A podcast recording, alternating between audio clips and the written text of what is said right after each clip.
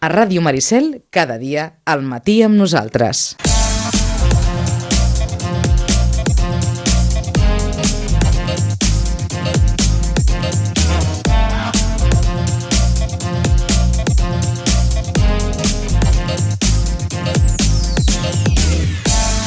Ens acostem ja al final de la temporada esportiva. Mm, ho apuntava en Vicenç ara fa uns moments. El bàsquet Sitges era una de les darreres esperances que ens quedaven amb, amb l'ascens a la primera catalana, però la derrota contundent i dolorosa que va patir l'equip dissabte amb Vilassar el deixa ja sense opcions de poder assolir aquest preuat ascens, repeteixo, a primera catalana. Queda un partit, sí, el de dissabte contra l'UPSA Sant Adrià, però els de Baltamolina ja no tenen cap mena d'opció d'aconseguir aquesta plaça d'ascens. Um, futbolísticament parlant, el cap de setmana um, ens deixa doncs, bones notícies que ens venen del futbol base. Equips de la Blanca, equips de la Unió Esportiva Sitges que han aconseguit els campionats i, per tant, pugen de categoria, en parlarem d'aquí uns moments. A la territorial futbolística, tant a segona com a tercera catalana, estem ja també al tram final de la competició. La segona catalana, per exemple, al Sitges li queda un únic partit, el de l'última jornada, dissabte que ve, al camp de l'Òdena. Si aconsegueix guanyar-lo, acabarà tercer. I al Sitges B encara li queden tres partits. Aquí, a la tercera catalana, la penya jove té a tocar el títol i, per tant, l'ascens a la segona catalana, el Sitges B, que tractarà d'aconseguir aquesta segona posició, que no dona cap mena de premi, però en qualsevol cas seria una temporada fantàstica del filial de la Unió Esportiva Sitges. Per cert, Joan Soteres repeteix com a president de la Federació Catalana de Futbol. Ahir van haver eleccions a la seu de la Federació Catalana i Joan Soteres repeteix, per tant, dirigirà 4 anys més als destins del futbol català. Un Joan Soteres que va obtenir 396 vots, es va quedar molt a prop Àlex Talavera, perquè en va sumar 370, per tant es va quedar a 26 vots de poder doncs, ser nou president de la Federació Catalana de Futbol. I com els dèiem, el món del bàsquet també ens deixa aquesta eh, derrota que dèiem del bàsquet Sitges. En començarem ja a repassar amb aquests marcadors. Comencem amb els de la Blanca.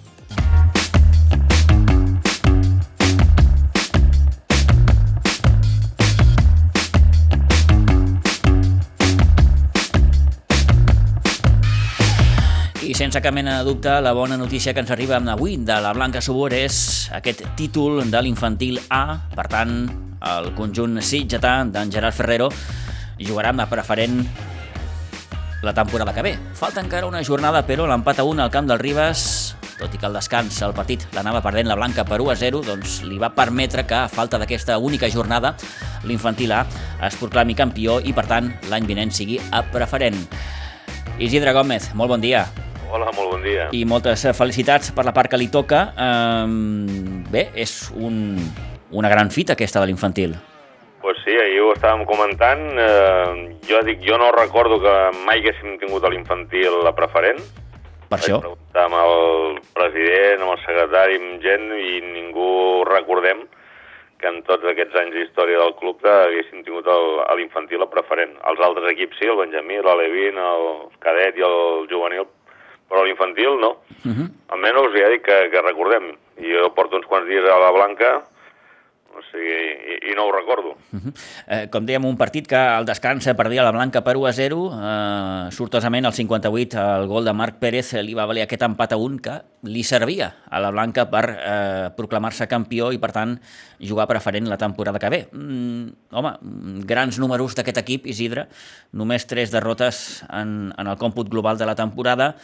Sí que queda un últim partit, el que jugarà aquí al Nou Pinsbense contra el Vilanova, però vaja, una trajectòria mm, brillant, gairebé. No, els nanos juguen molt bé i, i, i s'ho han suat, s'ho han suat, perquè ja dic, els que no ho han conegut això del que és guanyar un, un títol, eh, pues no ho saben, però els que ho han guanyat títol saben que guanyar-la costa molt, s'has de suar molt, has de patir molt, i no és fàcil, no és fàcil. No és fàcil. I de la mà d'un jove entrenador, en Gerard Ferrero, amb qui tenim previst parlar algun dia d'aquesta setmana. No ens ha pogut atendre aquest matí perquè bé, és jove, per tant, estudia, ja ni tenim per tant, pendent aquesta conversa amb en, amb en Gerard Ferrero. Um, bé, hem començat per aquesta bona notícia, Isidre, però a la preferent, per exemple, sí que ha acabat la temporada eh, de juvenils, eh, aquesta última jornada, aquest últim partit que ha jugat el juvenil A, amb derrota clara, contundent, 0 a 4 amb el Cornellà, eh, dissabte passat aquí al, al Nou Pinsbens, un, un, un partit que al minut 22 ja, ja vaja, assenyalava un 0 a 3 al marcador. Mo modo off. Abans d'hora. Ja dic, eh, com veus, l'horari era a les 7 de la tarda. Sí. Quan van acabar, pues, sopar, després fiesta, per tant el, el cervell ja no estava concentrat en el partit. També van jugar quasi tot el partit els menys habituals, els nanos que ens deixaran per majoria d'edat, i bueno, ja dic, era un partit de, de celebració i el resultat era... El de menys. El de menys. Mm -hmm. Aquest 0 a 4 que eh, ha acabat deixant el Cornellà segon classificat. Recordem, la Blanca ha acabat en el novell lloc de la classificació. Eh, S'ha acabat a un punt dels 40, n'ha sumat 39, amb un balanç d'11 victòries, 6 empats i 13 derrotes. Per tant, com ens comentava fa uns dies el seu entrenador Raül Aroca, objectiu complert mm, i, i contents després del que va ser un, un mal inici, oi, Isidre? Mal, tio, no... Crec, crec, ara parlo de memòria, eh, però mm, la primera victòria no va arribar fins a la jornada 7 o alguna cosa així. Vull dir, la 7 o la 8, sí. Sí, sí, va, va ser un, un inici molt, molt, molt sofert i molt complicat. Molt negre ho veiem, molt negre ho veiem. Uh -huh. Mare meva, veiem si el salvarem, salvarem, però mira, després a la segona volta tot el que havia sigut negatiu a la primera eh, es va capgirar i vam anar sumant. Ui tant, bona segona volta per tant de la Blanca que, com dèiem, ha acabat la temporada tranquil·lament al vell mig de la classificació, per tant, la temporada que ve, de nou, a preferent. I això, sens dubte, també és una bona, bona notícia.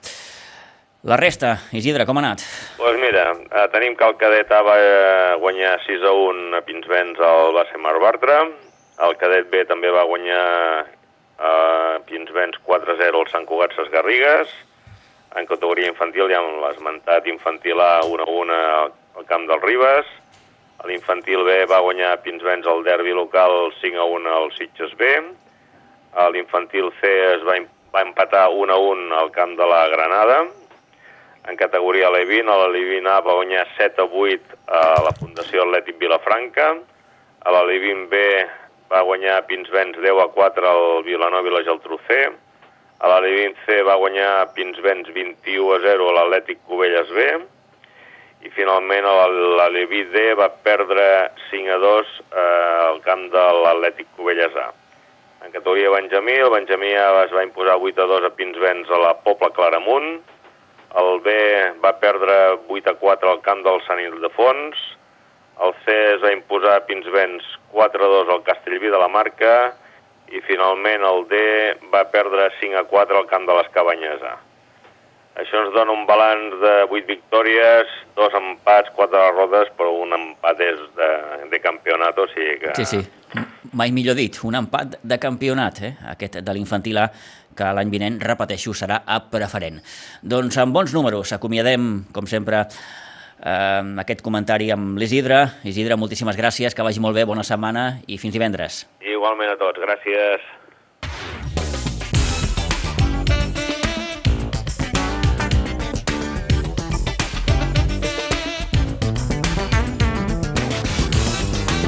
Bé, doncs felicitats a l'infantil A de la Blanca Subur per aquest campionat, per aquest títol i per ser l'any que ve a, a preferent.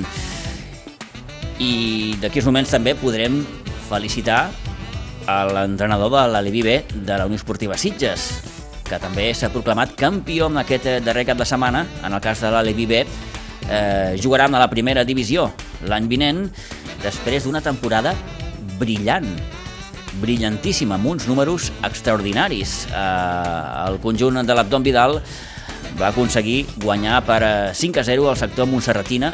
De fet, ha aconseguit golejada rere golejada, només una derrota, la que va patir al camp del Prat per 5 a 4, però, vaja, els números han estat, eh, vaja, d'autèntic campió. 213 gols ha marcat l'equip, només 25 en contra, i, en fi, mm, podem dir que només eh, li ha fet una mica d'ombra l'escola de futbol eh, Gavà, perquè el Sitges, aquest Alevi suma a hores d'ara 81 punts i l'escola de futbol Gavà, com a segon classificat, eh, en suma 73. Tenim ja l'Abdon al telèfon. Abdon, bon dia, bona hora.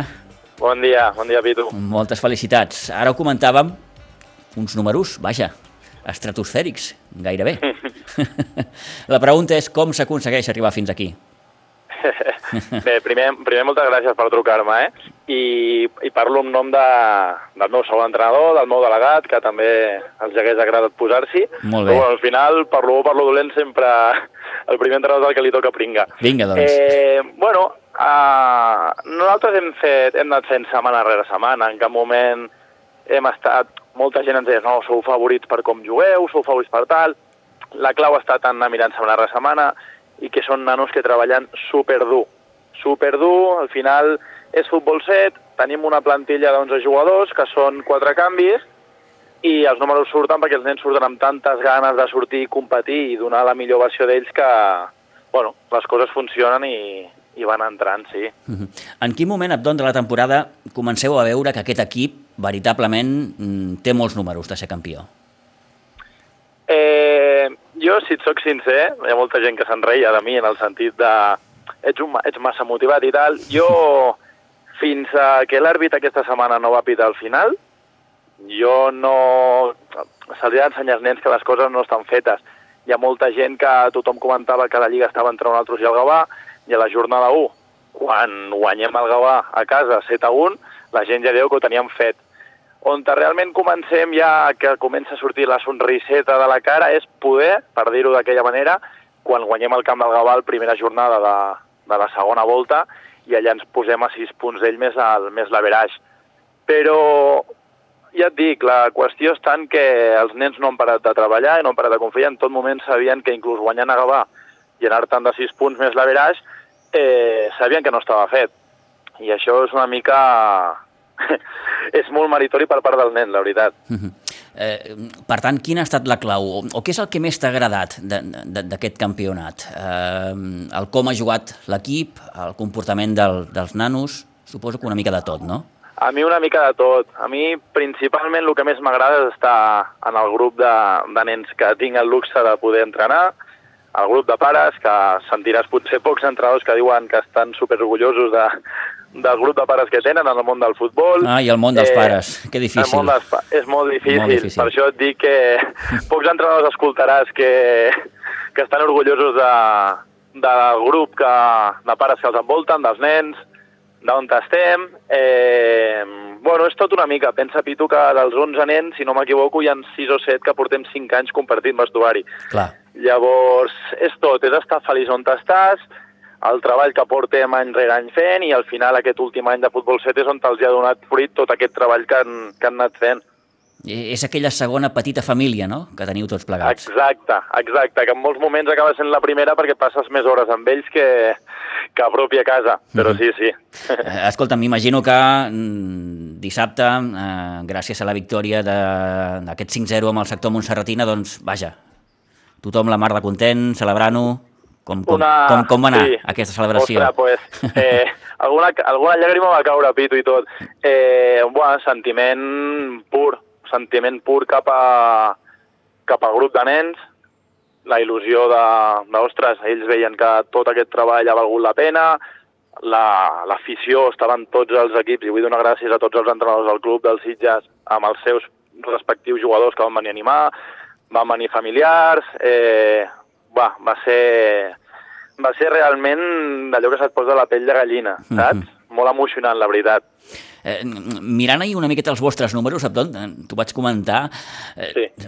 vaja, és, heu sortit a golejada per partit mm. gairebé. Sí, sí, la veritat és que, per dir-ho així, menys el camp del Gava que vam guanyar 1-2, eh, la resta de partits s'han guanyat bastant sòlid. Bueno, al final és molta feina, és molta feina als entrenaments, eh, el meu segon entrenador també fa una feina brutal i preparem les setmanes en funció del rival que tenim. És, bueno, tot suma i el sacrifici i l'esforç dels nens, és el que et dic. Eh, juguen set i són quatre al banquillo i per llei a la federació mínim cada nen ha jugat la meitat del partit, doncs els nens saben que, hòstia, surto dos quarts, o ho dono tot o estic fotut. Uh Mhm. -huh. I al donar-ho tot, tenint en, en, tot el, en tot moment del minut un jugador que ho està donant tot multiplicat per 7, que són els 7 jugadors, la veritat és que posa les coses bastant més fàcils.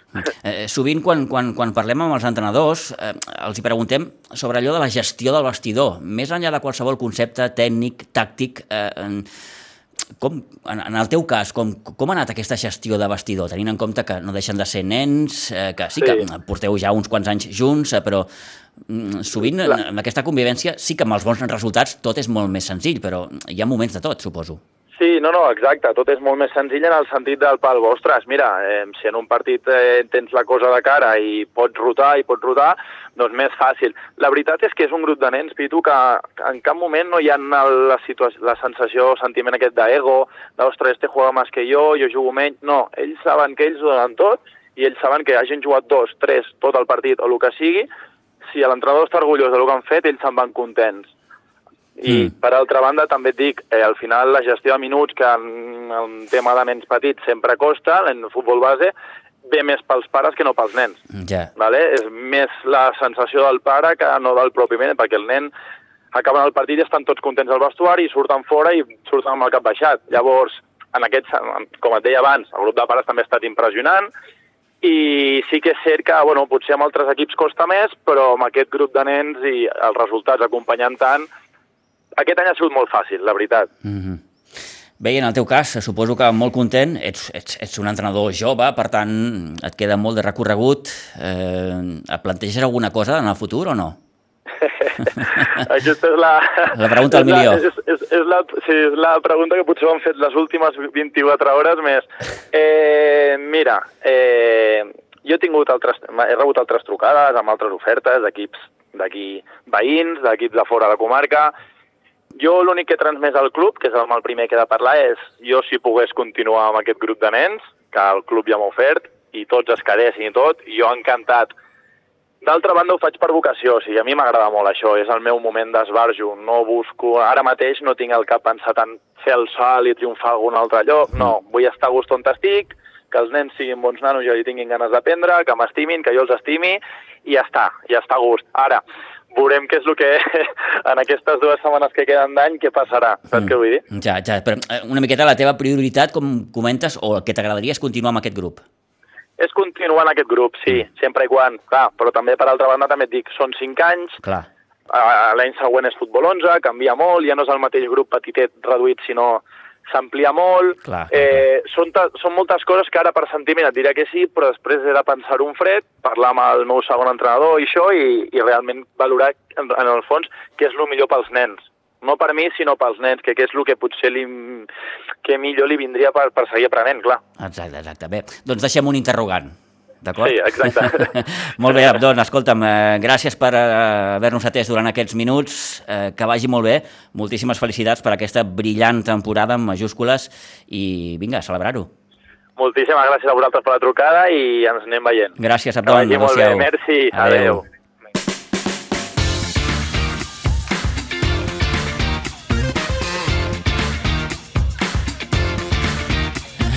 Bé, doncs amb l'Abdon Vidal Carbonell, el jove tècnic d'aquest Alevive de la Unió Esportiva Sitges, que l'any vinent jugarà a la primera divisió, després d'aquesta temporada en què ho ha arrasat pràcticament tot, repeteixo, eh? 213 gols ha marcat l'equip i només n'ha encaixat 25. Ha acabat doncs, el campionat sumant 81 punts, per tant, vaja, una autèntica bogeria. Eh, gairebé tres quarts d'onze del matí seguim parlant de futbol perquè a eh, segona i tercera catalana la temporada s'està acabant. Està més proper al final de la segona perquè només queda una única jornada. Eh, comentem, com sempre, amb aquesta jornada en companyia del Toni Muñoz. Toni, bon dia, bona hora. Bon dia, Pitu. Mm, comencem amb, amb la dolenta i és que l'Olivella mm, perdrà categoria. Sí, era molt difícil, eh? eh? Ja sabien que era molt difícil, que doncs, des del dia que va perdre, que va empatar al camp del Cubelles, ho tenia complicat i després amb la derrota mm, davant del Sant Mauro se li complicava molt, clar, si n'hi havia, uh, si hi havia vida, havia esperança, però sabien que era molt difícil. I clar, el Sant Andreu de Barca s'està jugant també doncs, el, el poguer eh, seguir la competició eh, i clar, va fer la feina i va acabar perdent l'Olivella i, i per categoria, per categoria. Una llàstima perquè eh, és l'any que l'Olivella doncs ha tingut molts partits, no ha tingut sort moltes vegades i clar, tot això passa factura. Ja ho parlàvem divendres passat en companyia del directiu Quim Martínez, que l'empresa era complicada, però mai es deixa de creure, no? I, i òbviament, aquestes dues últimes jornades encara hi havia aquella certa esperança, però aquest 4-1 eh, encaixat al Sant Andreu de la Barca doncs deixa ja l'Olivella eh, a la tercera catalana. De fet, és la notícia negativa pel que fa al futbol mm, comarcal. El Cubelles, eh, Toni, que va poder sumar un puntet en el seu partit a, a casa amb el Prat B el dia que el Capa doncs, deia adeu. Sí, sí, sí, i va ser un partit en el que la primera part, home, es va veure un equip Eh, molt bon equip, eh, el Prat, eh, ja lo va demostrar aquí, mm. ja l'hem vist més d'una vegada, i, i lo va demostrar també a Cubelles, no? Ja, mm, pràcticament no, no jugava res perquè doncs, ja havia aconseguit l'ascens, sabia que el Sant Mauro era campió, eh, però mm, va, va posar a prova el Cubelles i, i fins i tot se va anar al descant amb un 0-2. Eh, va, va, va ser un partit eh, doncs, eh, que va tenir eh, l'aspecte humà de que li van fer el passadís a Capa, que jugava el seu, el seu darrer partit. De fet, no sé el seu darrer partit, sinó són los, los tres últims darrers minuts eh, del partit que va jugar en Capa, no? Uh mhm. -huh. Va ser tot bastant maco i realment, doncs, eh, ell no se l'esperava això i va ser una, una comiat de capa davant de la seva afició. La segona part va canviar, eh, el Cubelles va buscar l'empat i, i, i, i lo va aconseguir, no?, perquè doncs, uh, Gerard Fernández feia l'1 a 2, després Elisac, eh, Elisei Nakajima feia al minut 89 el 2 a 2, i el que són les coses, eh, quan penjaven pilotes uh, dintre de l'àrea, eh, tothom demanava el cap, a cap, a cap, a veure si pots rematar el cap a de cap, m'entens? Eh, I van ser eh, els seus últims tres eh, minuts que va jugar el capa amb l'equip. Un capa doncs, que seguirà la seva trajectòria com a entrenador, de fet ja entrena equips del Cubelles, i que aquest dimarts doncs, passarà pel quiròfan perquè doncs, ell té problema al minís ja. eh, i l'operaran aquest dimarts. Doncs felicitats també des d'aquí al, al, al gran Capa per aquesta boníssima trajectòria com a, com a futbolista. No oblidem que el Capa va formar part també d'aquell gran Sobrense, Toni, eh? sí. d'aquell històric Sobrense, diguem-ho així. Sí, d'aquest històric sobrense, perquè doncs, eh, no el tindrem més, no? I -huh. un històric sobrense que va guanyar la primera Copa Amateur de Catalunya Eh, eh, I, que va, eh, I que va arribar a jugar a primera catalana, que això sí, són, són paraules molt gruixudes, eh? Exacte, i que va jugar a primera catalana, eh? Bé, doncs recordem que la Unió Esportiva Sitges, Toni, descansava aquesta penúltima jornada al conjunt sitgetà tancarà la Lliga jugant dissabte que ve al camp de l'Òdena i si guanya, quedarà tercer. Sí, sí, sí, passi el que passi, si guanya, quedarà, però té que guanyar. Si guanya, quedarà tercer, perquè... Jo crec, que... jo, crec, jo crec, Toni, ara mirant la classificació, que empatant fins i tot també li val. És, és, sí, sí, sí, perquè el, el Marianau té ara 47 punts i el Sitges sí. en té 46. El Marianau descansa l'última jornada. Sí. Si el Sitges suma un punt, en sumarà també 47, però és que el Sitges li ha guanyat els dos partits al Marianau.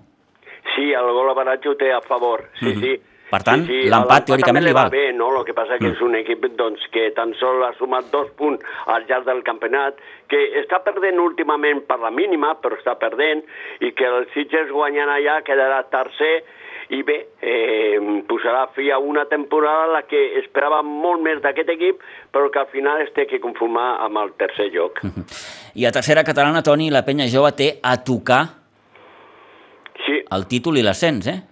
Sí, sí, sí, ho té, ho té molt bé, no? Perquè, de fet, el partit més complicat que tenia, ja ho parlàvem, era el camp de la Noia, i no va tenir rival, eh? Perquè va ser molt superior a la Noia, va aconseguir guanyar de la manera que va guanyar, i, i ara sap doncs, que rep el Masquefa, un Masquefa que ha perdut categoria, i guanyant el Masquefa serà campió i equip ja de la segona catalana. Ha fet una temporada brillant, aquest és el premi i, i jo penso que és un bon premi. Jo, a mi el que me sap greu és que el segon classificat no tingui premi després d'aquesta competició que ha estat tan maca per als equips del mm. Garraf i que doncs, uh, si el Sitges queda segon potser no tindrà premi, segur que no tindrà premi, i si queda l'Atlètic Vilanova igual, no? I Sí. també dir eh, el que creem aquesta, aquesta categoria perquè si no la prova la ten les dos derrotes consecutives del Vilanova del Camí que al Sí, final, senyor, sí, senyor. al final no aguanta la pressió. No ha aguantat la pressió, va tornar a perdre eh, per la mínima 1 a 0 al camp del, del Base Espirall, el Ribas que també va perdre 3 a 2 al camp del Riu de Villes, un Ribas que s'ha desinflat molt en aquesta segona volta, i, i l'Atleti Vilanova que li va fer un 5 a 2 al Torrellenc. Per tant, en joc en aquestes tres últimes jornades, Toni, aquesta segona plaça que, com molt bé apuntaves, no dona premi. Mm, No, I bé, en el cas del Sitges, si quedés segon i fos el millor segon, tampoc podria pujar. No, per això que el Sitges, mm, no li, el que passa que per Sitges és molt important el primer any de projecte quedar segon, això diu molt a favor de, de com s'ha treballat aquest equip, no?, i com està jugant aquest equip, no?, i de la, de la trajectòria que porta l'equip tota una segona volta que, que no sap el que és perdre i que doncs, tots són bons resultats, no? Esperem, esperem que el Sitges, doncs, aunque no tingui premi, acabi segon, perquè per l'equip serà molt important eh, en un projecte tan nou com el d'aquest any, no? Recordem que al Sitges B li queden els partits eh, que haurà de jugar, per exemple, diumenge al camp del Torrellenc, després en rebrà a la Pobla de Claramunt en l'últim partit aquí a casa i tancarà temporada jugant al camp del Piera. Són els tres partits que li queden al conjunt d'Àlex Villalgordo. En un cap de setmana, Toni, en què eh, hi ha hagut eleccions a la Federació Catalana de Futbol, Uh -huh. Joan Soteres repeteix. Sí, Joan Soteres Joan ha guanyat Soteres. per 20 vots eh, de Per 20 diferència. 26 vots, perquè recordem 26. eh, que Joan Soteres ha obtingut 396 vots Sí. i Àlex Talavera n'ha obtingut 370, per tant s'ha quedat a 26 vots de poder assolir eh, aquesta presidència. Per tant, Joan Soteres, 4 anys més al capdavant de la Federació eh, Catalana de Futbol. Mm, Recordem que els altres candidats, Juanjo Isern va obtenir Isern. 238 vots i Pep Palacios eh, en va obtenir 23. Eh, van haver 10 vots blancs i 4 nuls. Eh, 1.041 vots comptabilitzats dels 1.220 que tenien dret a vot. Per tant, una molt bona participació eh, en aquestes eleccions i Joan Soteres, repetim, president de la Federació Catalana de Futbol per als propers 4 anys, fins Sí, i dir a 2026. favor de, del Talavera, d'Àlex Talavera, que doncs aquí, al Penedès Garraf, Sí. sí, que ha guanyat l'Àlex Talavera, però clar, no ha sigut suficient. Mm, he estat repassant una miqueta els, els vots. Eh, Joan Soteres va arrasar literalment a Girona, a la zona de Girona. Sí. Mm? Així com Talavera, com, com molt bé apuntes, doncs, va guanyar aquí el Penedès Garraf. Doncs, en fi, Soteres repeteix, com dèiem, de nou al capdavant de la, de la federació. Uh, Toni, moltíssimes gràcies. Molt bé, Pitu. Que vagi molt bé, bona setmana, adeu-siau. Igualment, Déu bon dia.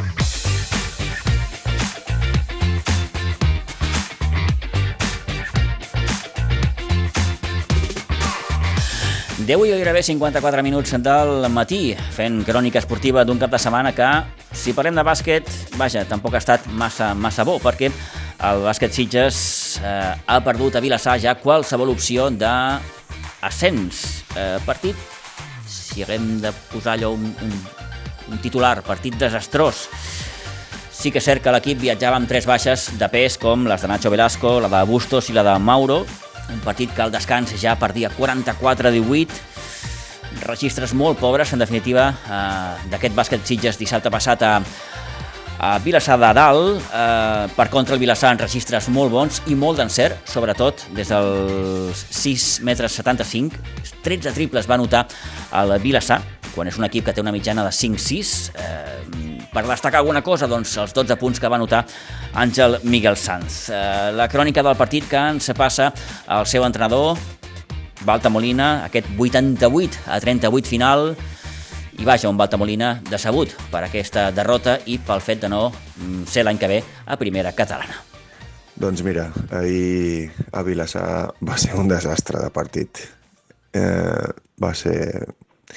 Jo fe- feia molt de, molts anys que no sentia aquest nivell d'impotència i aquest nivell de, de, vergo- de vergonya, et diria fins i tot, perquè és que no hi havia manera, no hi havia manera d'encarrilar el partit.